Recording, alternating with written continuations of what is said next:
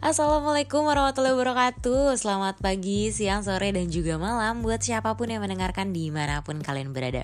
Selamat datang kembali teman-teman Ke salah satu segmen cuap-cuapnya Metanoia.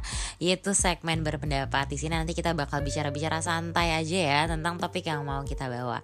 Nah hari ini segmen berpendapat materinya ya, Topiknya adalah menyembuhkan luka. Waduh, ini pas banget uh, by the way ini di gue lagi hujan deras gitu.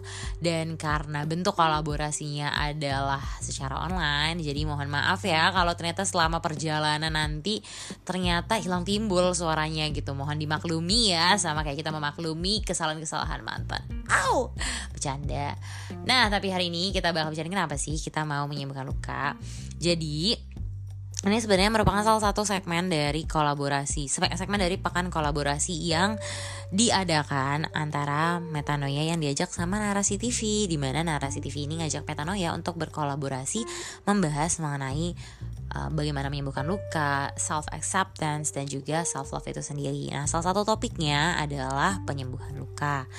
Nah tapi biar kita nggak, maksudnya penyembuhan luka yang psikologis ya, bukan yang fisik. Kalau fisik mah ya kembali ke dokter gitu kan. Tapi nggak kita bicara yang psikologis gitu. Nah biar kita nggak sok tahu karena kita bukan dari orang yang psikologis, kita akan ngundang um, pembicara yang memang rasanya bagus banget nih buat ngebicarain hal ini gitu. Nah sesuai namanya dan judulnya kan pasti udah tahu kalau kita akan kolaborasi bersama dengan Manusia UI yaitu ya Manusia UI ini uh, salah satu aku juga bingung ya mau bilang NGO bukan juga tapi mau bikin mau bilang organisasi masyarakat juga bukan ya kayaknya jadi kayak hmm, mungkin nanti kita coba tanya aja kali ya sama manusia UI daripada kita so tau gitu. Kalau gitu langsung aja kita panggil dari manusia UI kita akan rekaman bersama Katia Maulana. Selamat sore Katia. Sore Galuh, halo semuanya. Gal, kamu ada kayak panggilan buat pendengarnya gitu gak sih Gal? Oh enggak, enggak ada, enggak ada. Kebetulan bingung juga. Oke, kita sebut aja uh, metanoia manusia-manusia kali ya. Boleh. manusia metanoia ya boleh. Oke. Baru gimana kabar Katia? Um, baik banget dong, cuman sekarang di tempatku lagi agak mendung sih, jadi agak serem juga ya. Betul. Agak akhir-akhir ini dingin-dingin, cuman siang-siang panas banget gitu ya, Gal? Betul betul, di aku juga kayak gitu. Ini semoga kita nggak keputus ya kak. Amin, semoga lancar ya. Bercerita putus juga. By the way kak, uh, ini kan kita guna manusiawi ya. Sebenarnya hmm. tahu nggak sih manusiawi itu apa sih dan yang make sure aja cara baca aku bener kayak manusiawi bukan manusiawi gitu bener sebenarnya um, penyebutan yang benar adalah manusia UI cuman ada beberapa orang jadi bukan kamu doang nih gal yang agak bingung tapi ada beberapa orang juga yang udah agak bingung sebenarnya penyebutannya manusia UI atau manusiawi sebenarnya adalah manusia UI karena kita memang berdasarkan dari mengangkat cerita-cerita karyawan manusia uh, mahasiswa yang ada di UI. Hmm. Cuman itu coincidence juga nih ternyata cocok juga sama pelafalan untuk manusiawi yaitu sesuai dengan cerita-cerita yang kita angkat. Jadi kalau misalnya uh, kamu bilang tadi organisasi atau komunitas, sebenarnya kita juga agak bingung ya gimana cara mendefinisikan kelompok kita. Cuman uh, mungkin bisa dibilang platform kali ya. Jadi kita uh, adalah platform atau safe space, ruang aman bagi manusia-manusia buat bercerita tentang uh, hidup mereka dan nggak ada batasan sih kalau kayak misalnya mereka mau cerita kebahagiaan, kekecewaan atau mungkin mimpi buruk, impian itu bervariasi banget sih cerita-cerita manusiawi. Luar biasa, luar biasa. Keren banget. By the way, teman-teman manusia-manusia metanoia di sini, manusia-manusia manusia metanoia nih, di sini kalau mau lihat di Instagramnya uh, dari platform manusia ini luar biasa sekali sih. Aku so aku suka nge-scroll ini ya kan nge-scroll cerita-cerita. Dan menurut aku itu itu provide cerita yang uh, membuka apa ya buka pandangan sekali ya sama banyaknya cerita-cerita yang ada di orang-orang gitu. Jadi kayak uh, kalau teman-teman mau uh, lihat buat platform manusiawi terus by the way uh, teman-teman karena kita berekaman di jarak jauh so I hope selama nanti perjalanan bisa diperdengar didengar dengan cukup baik ya teman-teman.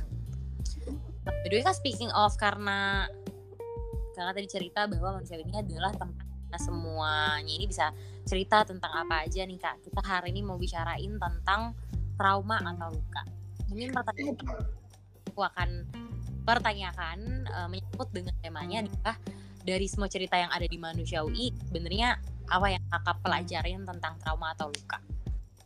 Oke, okay. um, sebenarnya cerita tentang trauma dan luka itu tuh nggak terlalu banyak di manusia UI. Hmm. Tapi ada beberapa hal yang menarik tentang uh, mungkin self acceptance itu mungkin bisa kita bahas di akhir ya kal. Tapi mm, tapi aku nggak satu hal kalau misalnya ada orang yang uh, suka misunderstanding antara trauma dan stres. Nah, mungkin itu bisa jadi pelajaran buat kita juga nih. Ternyata itu hal baru. Aku merasa kalau misalnya uh, stres itu kalau misalnya kita lalui itu kita masih bisa melewatinya. Cuman trauma itu kalau misalnya kita melewatinya masih kita pikirin. Jadi stres itu mungkin ber, berkaitan dengan hal sehari-hari kayak misalnya kita kerja, kita kuliah, mungkin itu stres. Tapi trauma itu adalah uh, kita terpapar dengan momen-momen yang mungkin umumnya nggak kita alami. Jadi pas kita melewati fase itu, kita uh, memiliki respon-respon yang uh, agak bingung untuk menghadapinya. Nah di situ tuh kadang orang agak misunderstanding antara trauma dan stres. Nah uh, terus aku belajar sih. Mungkin kamu bisa sharing juga ya Gal nanti. Hmm. Yang aku lihat dari teman-teman manusia yang bercerita itu tuh sebenarnya trauma bukan nggak uh, fokus ke apa yang mereka respon pada fase atau fenomena traumatik yang sedang mereka alami, tapi lebih ke um, sebenarnya kamu lagi sama siapa pada trauma tersebut gitu. Oh oke. Okay. Nah jadi aku merasa uh, mungkin mereka memilih manusiawi sebagai tempat mereka untuk bercerita dalam melewati uh, atau saat proses healing traumatik event tersebut gitu.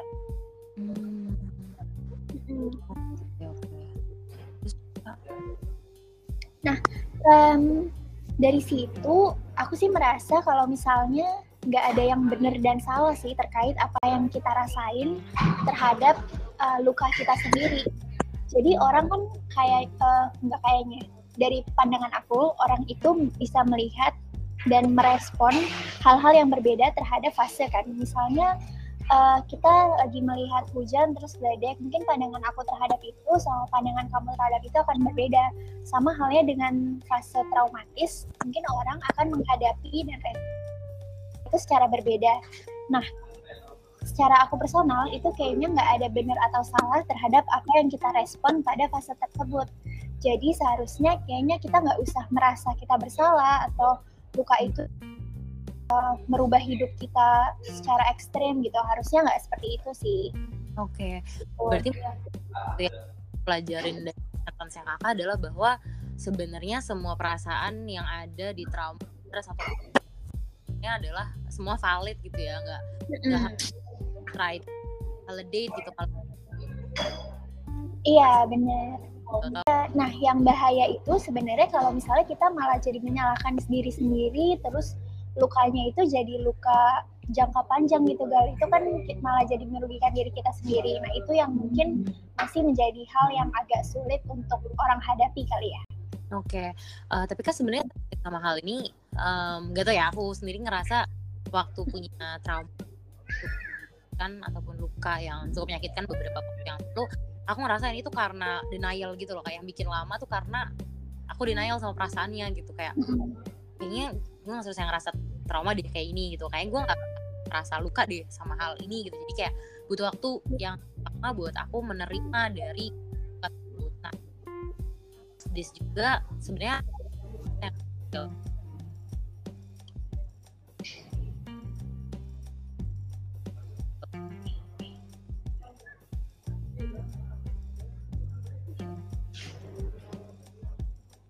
Kati. Oke suara kamu sempat hilang gak? Sorry, boleh ulang pertanyaan? Oh. Eh, iya soalnya di sini sangat deras ini ya badannya. Hmm. Eh, serem banget iya emang. Tadi uh, kita tentang trauma itu jangka panjang. Hmm? Karena aku pribadi waktu sempat ngalamin yang cukup lama, aku ngerasa ini karena ada denial jadi gitu. Udah kayak nah buat nah kalau Nah, dari semua cerita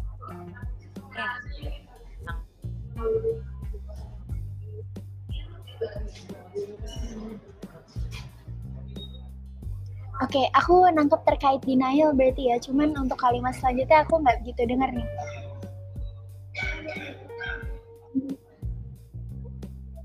Oke, yang kakak tangkap denial apa kakak? Uh, terkait denial ya? Iya betul. Ya tadi karena terkait denial, uh, adalah terus biar berani terima kalau yang valid gitu, yang kita nggak seharusnya di apa sih sebenarnya yang menakutkan dari hal tersebut gitu? Ah iya iya. Nah uh, itu aku juga melihat sih Gal dari beberapa kalau misalnya mereflect dari beberapa cerita teman-teman manusia UI kayaknya memang salah satu problem kenapa mereka nggak berani melangkah adalah denial. Jadi mereka tuh masih merasa takut kalau hal, hal tersebut akan terjadi lagi. Apalagi hal itu uh, terasa seperti bencana dan hal yang bikin mereka kayak uh, the worst event of the life gitu. Mereka jadi nggak bisa bangkit lagi. Nah terkait itu itu adalah proses yang susah sih sebenarnya. Dari kita jatuh sampai bangkit itu memang orang bilang mungkin gampang tapi sebenarnya itu memang fase yang paling susah karena kita sedang ada di terpuruk-terpuruknya kan. Nah menurut aku um, kenapa orang takut adalah mereka masih merasa mereka tuh sendirian guys kenapa aku bilang hal yang paling penting adalah dengan siapa kamu ada saat fase traumatis tersebut karena itu adalah hal yang paling penting dalam melewati atau healing dengan traumatic event kita.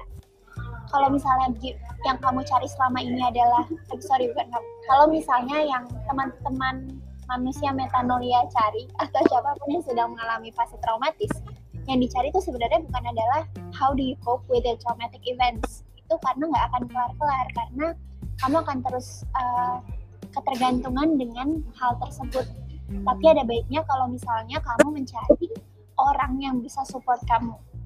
Hmm. atau mungkin safe space untuk kamu. Misalnya di sini uh, di sini case-nya adalah mungkin teman-teman manusia UI memilih manusia UI sebagai tempat mereka untuk bercerita. Jadi mereka sudah merasa manusia UI adalah ruang yang aman bagi mereka untuk bercerita. Nah, kalau teman-teman belum menemukan platform atau ruang aman, ya mungkin kalian bisa menemukan lingkungan sekeliling kalian karena kalian tidak bisa terpuruk di traumatic event itu sendiri kan. Jadi ada baiknya uh, untuk step up dari fase menakutkan tersebut atau mungkin nggak semua orang case-nya adalah kayak kita ya Gal misalnya kita kan case-nya adalah denial mungkin yang lain ada fase lain misalnya uh, terlalu takut untuk melangkah atau masih berada di zona nyaman. Nah hmm. mungkin langkah terbaiknya adalah mencari orang sih. Orang tidak harus dalam balik lagi tidak harus dalam format orang terdekat. Mungkin kamu merasa kayak dengan menulis itu adalah sudah uh, jadi copingnya atau mungkin dengan meditasi ada banyak sih halnya. Tapi kalau bisa menemukan safe space masing-masing. Oke okay. ini um, jadi menarik. Berarti sebenarnya bukan luka itu ini salah satu yang uh, aku tangkap adalah bahwa sebenarnya luka itu dia progres yang tadi kan ada ya. dan yang harusnya dipertanyakan adalah bukan gimana copingnya harus ada orang yang di mengebut maksudnya ada ya. siapa kita mencoba kan men tersebut gitu ya kade nah, kita menerimanya tersebut adalah uh, harus bukan harus ada orang ya tapi bahasnya apa ya? Hmm support system kali ya karena formatnya memang nggak harus orang sih. Mungkin bisa kanal atau mungkin benda mati pun bisa jadi tempat yang nyaman masih merasa sebenarnya nggak ada teori atau kayak patokan yang saklek ya untuk gimana sih caranya mengobati luka gitu. Dan nggak sepenuhnya sebenarnya luka itu bisa disembuhkan gitu nah menurut aku kalau misalnya aku reflect dari pengalaman aku dan mendengar dari cerita teman-teman manusia UI mungkin kita bisa analisis dulu sebenarnya apa sih yang men-trigger luka tersebut gitu. Kalau misalnya ada past traumatic event atau mungkin luka yang sangat mendalam, kira-kira coba teman-teman bantu pikirkan apa sih yang sebenarnya hal sesederhana yang bisa men-trigger kesedihan itu kembali lagi. Nah, dari situ mungkin kita bisa mengurangi trigger tersebut. Misalnya dengan mengurangi nonton uh, berita atau mungkin mengurangi cek media sosial apalagi cek media sosial sebelum tidur. Kadang sebelum tidur itu adalah fase-fase kita overthinking ya. Kalau zaman sekarang sebutnya overthinking kali ya. Betul. Nah, itu kita harus dengan sadar dan beneran komit untuk kita mengurangi uh, mau menghealing luka tersebut mungkin kita nggak bisa bilang mengobati tapi uh, mengurangi kali ya karena kita nggak bisa sepenuhnya mengobati luka. Nah dari situ kita harus uh, accept our feelings. Kita harus nah itu kayaknya salah satu uh, solusi dari yang kamu bilang denial kali ya. Kita harus menerima perasaan kita sendiri. Denial tuh memang tidak baik cuman nggak berarti nggak boleh karena uh, mungkin itu bisa bikin kita jadi sadar kalau misalnya oh kita memang punya perasaan ini, kita punya pikiran ini. Nah, dengan accept your feelings itu sudah salah satu fase untuk kita menerima diri sendiri. Tuh. Nah, hmm, kalau misalnya untuk langkah selanjutnya kayaknya itu bisa sesuai dengan uh, teman-teman gimana ya, kayak misalnya ada yang suka bersosial, jadi bisa coba reach out ke teman-teman yang udah lama nggak dikontak. Gak harus bahas tentang suka kalian tapi mungkin bisa bahas hal-hal menarik kayak misalnya uh, ada kafe apa yang enak atau mungkin tempat foto yang menarik atau sesederhana misalnya kalian suka nonton Netflix ya itu pun juga boleh. Gimana caranya? Coba kalian senyum dan mencari kesibukan untuk melupakan luka. Nah yang penting itu jadikan semua kegiatan kalian itu adalah untuk mengobati luka. Jadi bikin um, hal tersebut prioritas. Misalnya uh, dengerin lagu itu bikin kamu tenang atau mungkin sesederhana cium wangi kopi gitu itu udah bikin hariku senang gitu jadi mungkin setiap orang punya hal yang bisa bikin mereka senang gitu Nah, okay. tapi yang paling penting adalah untuk mengurangi trigger dulu sih dan harus accept your feelings gitu. Oke, okay. ini enggak ya, tapi sebenarnya bisa sesimpel itu dalam sembuh asalkan mm itu yang pertama adalah harus dipahami dulu perasaan accept you deserve all the feelings your feelings are valid gitu. Setelahnya kita memahami. I think menurut aku ya setelah kita memahami feelingnya menerima dari situ kita mulai bisa nah, paham apa yang trauma kayak tadi dia bilang gitu. Baru setelah itu uh, kembali melakukan apa pun yang sebetulnya bikin happy bisa dari hal sesimpel apa pun sampai hal berat ataupun apa pun yang penting happy bener gak sih kak? Benar banget. Saja seperti itu. Aku ada cerita lucu nih. Boleh. Dari salah satu teman manusiawi boleh sharing ya? Boleh banget. Boleh. Nah, uh, aku lupa di cerita berapa, tapi mungkin teman-teman boleh coba cari judulnya kalau nggak salah uh, jejak jejak apa gitu. Nanti mungkin uh, bisa aku cek lagi nanti aku rekap lagi. Nah dia itu merasa tahun dia itu adalah tahun acceptance. Kenapa dia bisa bilang gitu? Dia sempat ke psikolog untuk bercerita dengan progres kehidupan dia. Lalu psikolognya bertanya sebenarnya apa sih yang bikin kamu bahagia? Gitu.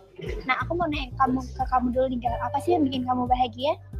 Hmm, kalau aku pribadi jujur aku baru sih kemarin banget ya banget karena aku punya waktu cukup banyak buat diri aku sendiri. Jadi kan biasanya aku kelas kan bener-bener padat banget maka kelas yang kali ini tuh nggak begitu padat. Jadi punya waktu cukup banyak buat diri sendiri. Jadi pagi itu bener-bener full buat diri sendiri gitu kayak olahraga uh, imbat maskeran. Pokoknya bener-bener uh, kayak pampering my jadi akhirnya dari situ aku sadar kayak gini. Yaitu adalah if I put um, Wah syukur deh. Nah, kalau misalnya aku lanjut balik ke cerita aku lagi, dia ditanya sebenarnya apa sih yang bikin kamu bahagia gitu. Terus habis itu uh, narasumber kita jawab kalau dia bahagia dengan dia S2 di sini, terus LPDP, lalu dia mencapai karir impian dia dengan menjadi MT, terus mungkin memiliki keluarga yang bahagia, sama halnya dengan banyak impian orang ya, mungkin mereka bisa bahagia dengan misalnya uh, punya bisnis atau mungkin berkeluarga nikah umur sekian punya aset sekian juta atau punya rumah gitu. Nah itu yang bikin kita sadar ternyata psikolognya pun balas ternyata susah ya untuk jadi kamu harus jadi di posisi tertentu untuk baru mencapai kebahagiaan. Nah itu malah menyenggol lalu psikolognya bilang kenapa nggak kalau misalnya hal-hal tersebut diganti ke yang lebih sederhana, tapi nggak menghilangkan makna bahagia.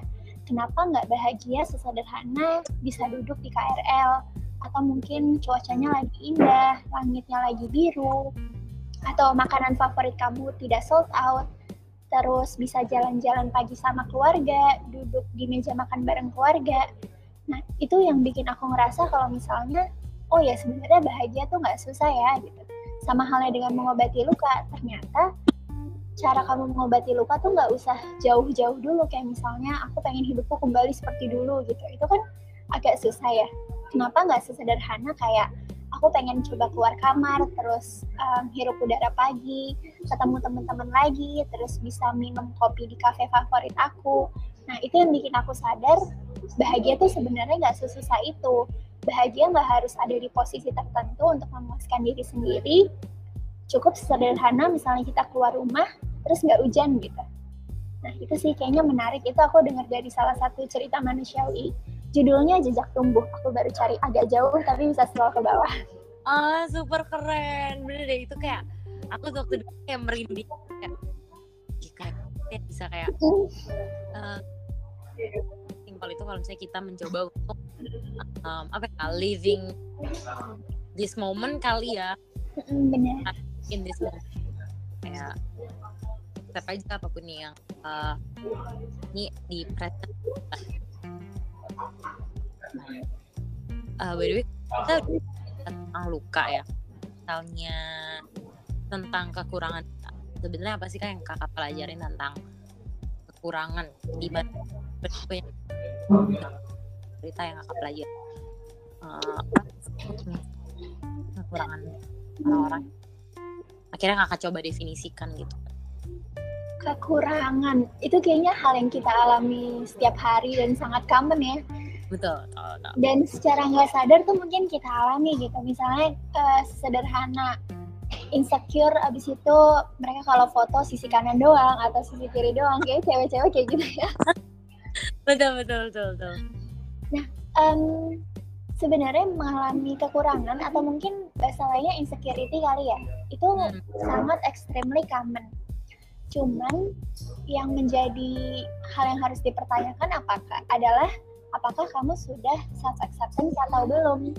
Karena kekurangan itu pasti ada, tapi balik lagi kamu harus uh, mencintai imperfection dari diri kamu sendiri. Gitu. Jangan sampai uh, hal kekurangan tersebut kamu lebih-lebihkan terus kamu jadikan itu kayak ini blocker masalahku banget nih aku jadi nggak bisa ini itu ini itu. Padahal dengan kekurangan mungkin kamu bisa jadi ada kelebihan yang lain gitu. Nah itu yang kayaknya belum banyak uh, kita sadari ya gitu. Hmm, oke oke oke. Sebenarnya kalau dari yang aku dapat dari Katia pesannya adalah bahwa kekurangan itu sebenarnya memang harus diterima aja sih gitu kan. Benar. Adalah nah bagaimana kita kekurangan? kan Hmm, gimana? Oke, itu pertanyaannya kayak gampang tapi agak susah ya. Iya. Iya, iya, aku kayak masih menerka-nerka. Aku juga udah self acceptance sebelumnya karena kadang aku masih merasa kayak aduh aku ada jerawat sederhana kayak gitu kan. Betul betul. Nah, um, kalau menurut aku self acceptance itu sebenarnya uh, salah satu tahapan pertama kita bisa menerima uh, perbedaan yang ada. Karena kita harus aware kalau misalnya setiap orang punya warna masing-masing. Kita punya perbedaan masing-masing. Nah, kita tuh dulu punya salah satu tagline di Manusia UI yaitu embrace diversity. Kita pengen uh, menunjukkan kalau misalnya kita itu emang berbeda. Nah, salah satu hal untuk meng, up, untuk uh, mengakui kalau misalnya ada perbedaan adalah dengan apresiasi diri.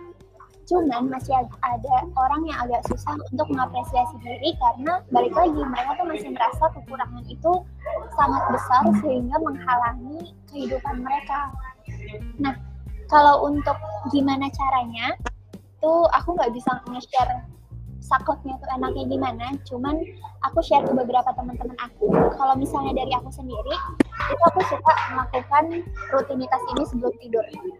Jadi itu ada tiga hal yang aku lakukan sebelum tidur, yaitu bersyukur, minta maaf, dan apresiasi.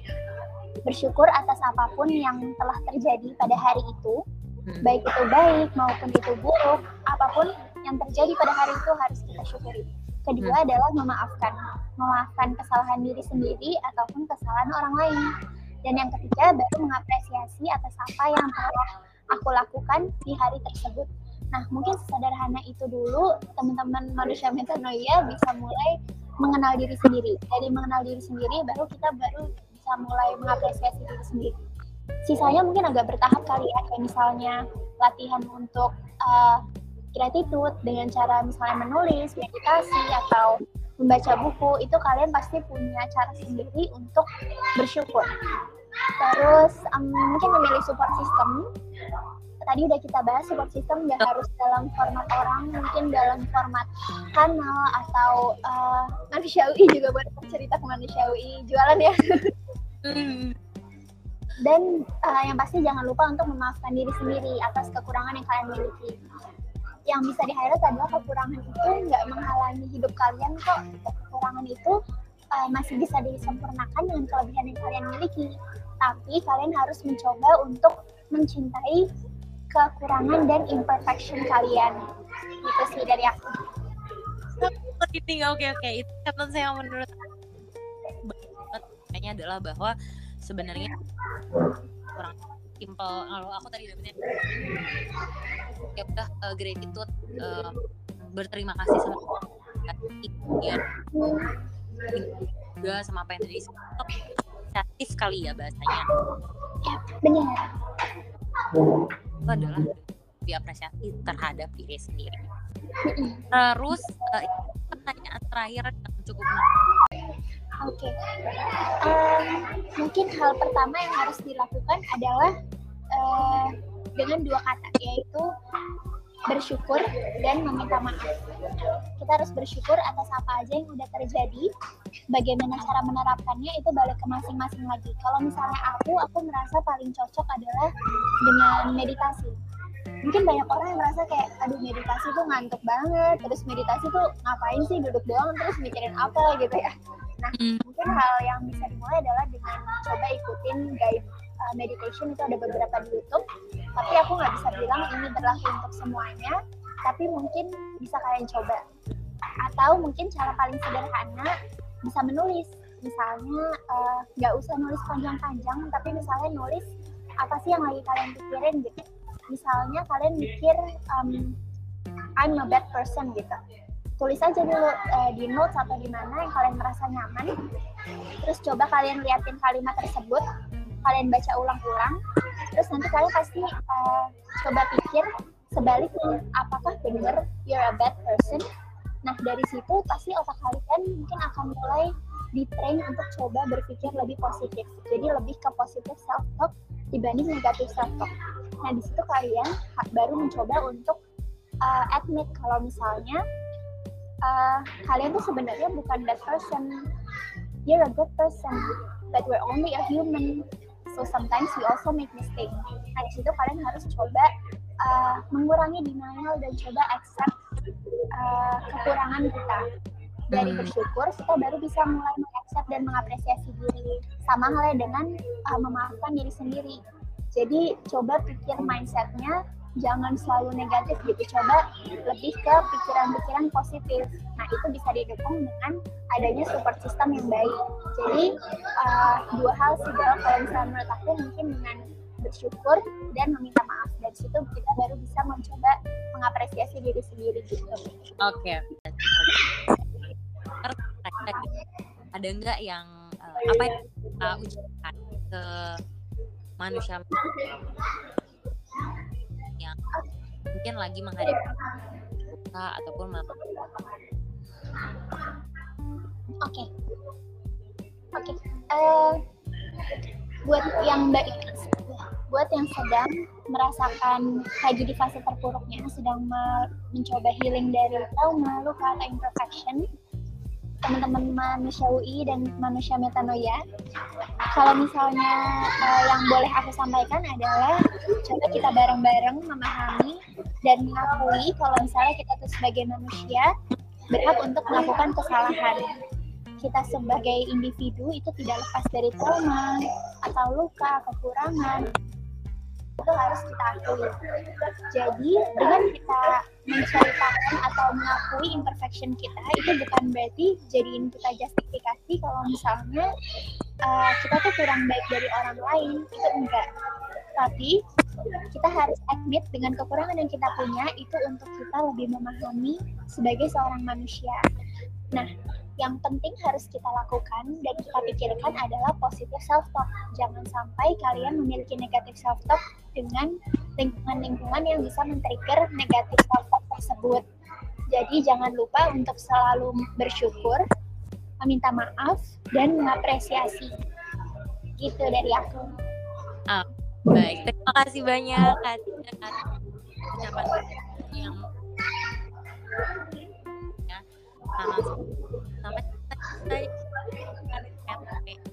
semoga uh,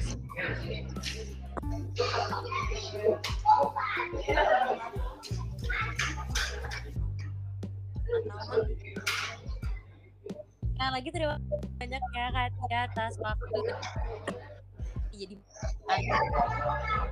Ano ya Terima kasih banyak Katia. Thank you Galuh. Makasih juga ya buat Metanoia dan teman-teman manusia Metanoia yang udah ngedengerin. Semoga platform Manusia UI juga bisa menjadi support system buat kalian. Kita sangat terbuka. Oh ya sekalian jualan boleh ya Gal di sini. Boleh banget. banget.